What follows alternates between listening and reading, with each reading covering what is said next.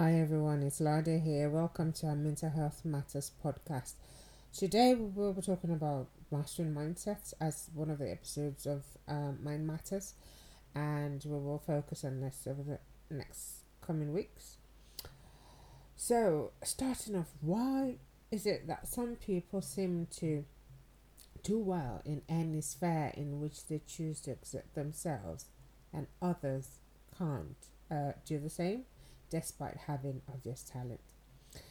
Looking at research, research has shown that it's the way such individuals think about their ability that really counts. So let's take a look at uh, top performing athletes. We won't focus on business success uh, because some can say it is through inherited wealth or luck or unscrupulous means, and um, that's why um, such individuals are wealthy or you know are successful.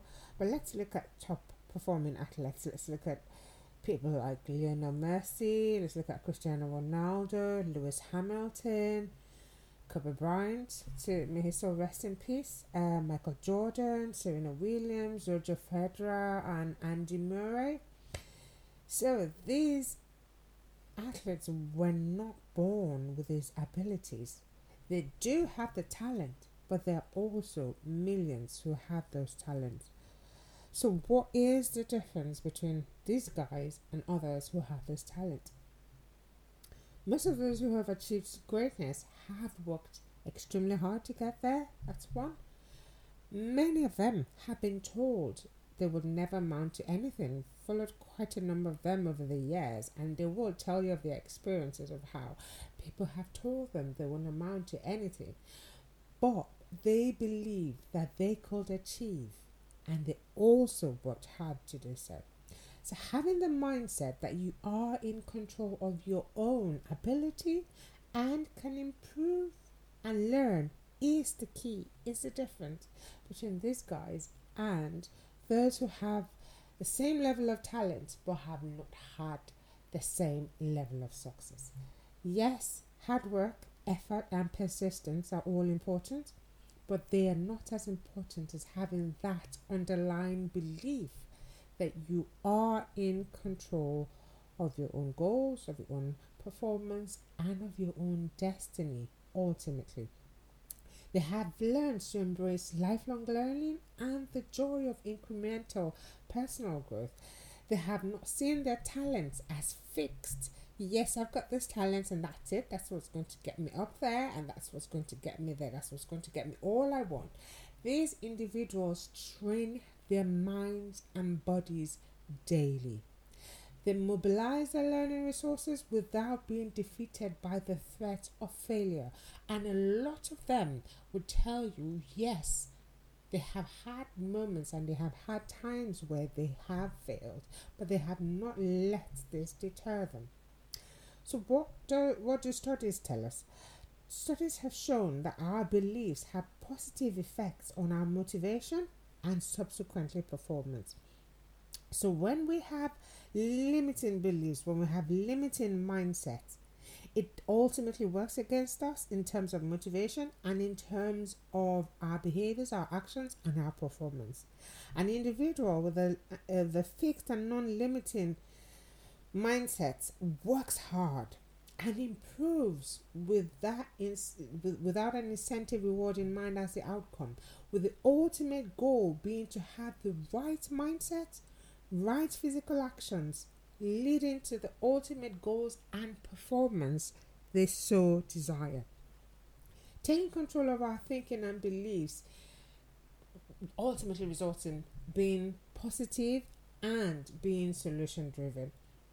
To obtain results in any area of our lives that we so choose to, our thinking, our beliefs, and our behaviors will need to be aligned. To think of a specific area of your life that you would you would um like to to get improved on and do a soul search how do you think about this area of your life? What is your perspective what do you think your underlying belief is it is what do you think your underlying belief is about that area of life so because these are essentially the building blocks of our actions and behaviors that manifest in that area.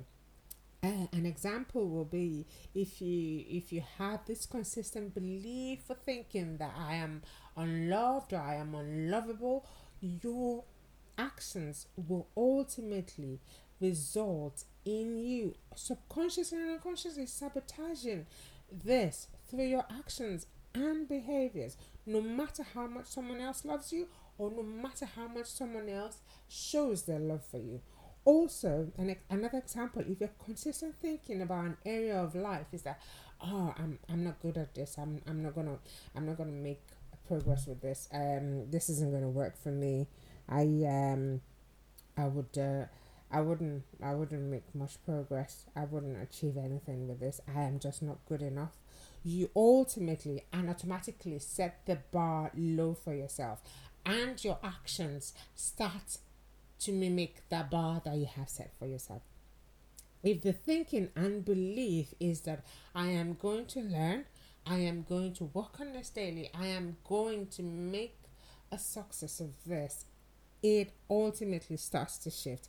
And this is what we have seen with, you know, such athletes who have who pay mind to the right mindset and also having the right actions and behaviors to match this.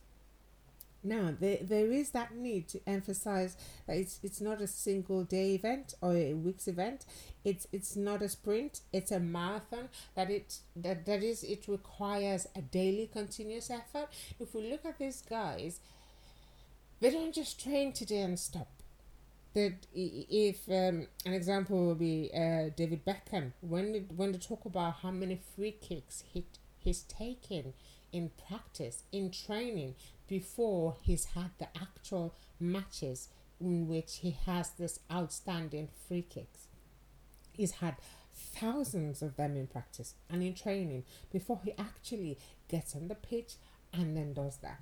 And this is all through having the right mindset and having the actions accompanying that mindset. Recent advances in neuroscience have shown us that the brain is far more malleable than we ever think or know. It has also shown us that there is a correlation between our mindset and our capacity to learn new skills and improve on the skills that we already possess. So, most changes take place in the brain and subsequently they result in changed behavior. So, when we haven't had that thinking and that mindset changing, ultimately we won't have that changed behavior that would lead to the outcome that we want. So it's not just about recognizing that the mindset matters, but also taking steps to master what we need to achieve the outcome that we want. It is much more important about implementing practices that focus on the growing and the learning than just focusing on getting our minds right. So, here are the things that we need to think about and work on when we recognize that a specific area of our life is is defective in terms of our thinking about it or our beliefs around it. So, the first thing is recognizing that those are limiting beliefs, recognizing that pattern of thinking and being able to stop ourselves thinking, yeah, this this this isn't going to help my learning, this isn't going to help my growing, this is against the outcome that I want in this area of life. Secondly, looking for the evidence to the contrary of what that current thinking beliefs are. Think on this, chew on it, meditate on it, sleep on it again and again and again. But key is look for the evidence to that to the contrary of that self-limiting belief. And the evidence would always be out there. It might not be evidence, it might be the evidence of others, sometimes we don't learn through our experiences or mistakes. Sometimes we learn through the experiences and mistakes of others. We don't have to wait till we make those mistakes. So the evidence is out there to the contrary of what you believe. So look for those evidence, think on it, chew, meditate, appreciate it, look for ways to apply it to yourself. And then, thirdly, actively choose to believe the contrary evidence. It's a different thing to look at it, it's a different thing to admire it, it's a different thing to appreciate it and see it out there. Oh, this person had the same struggle as me, he or she had that same thinking, he or she had that same experience that resulted in this negative thinking. And yes, I appreciate it. But why actively believe that contrary evidence? Did this person have that same experience? This person had that same failure? This same person had this weakness and they overcame it? It is important to actively choose to believe that contrary evidence and then change our behaviors and actions to that contrary evidence that we have found. So I hope this has helped somebody, and this is one. Is going to be one of uh, our subsequent episodes on mind matters, which we haven't done for a while. So look out for the subsequent episodes, and don't forget, empower your mind, empower your life. Goodbye.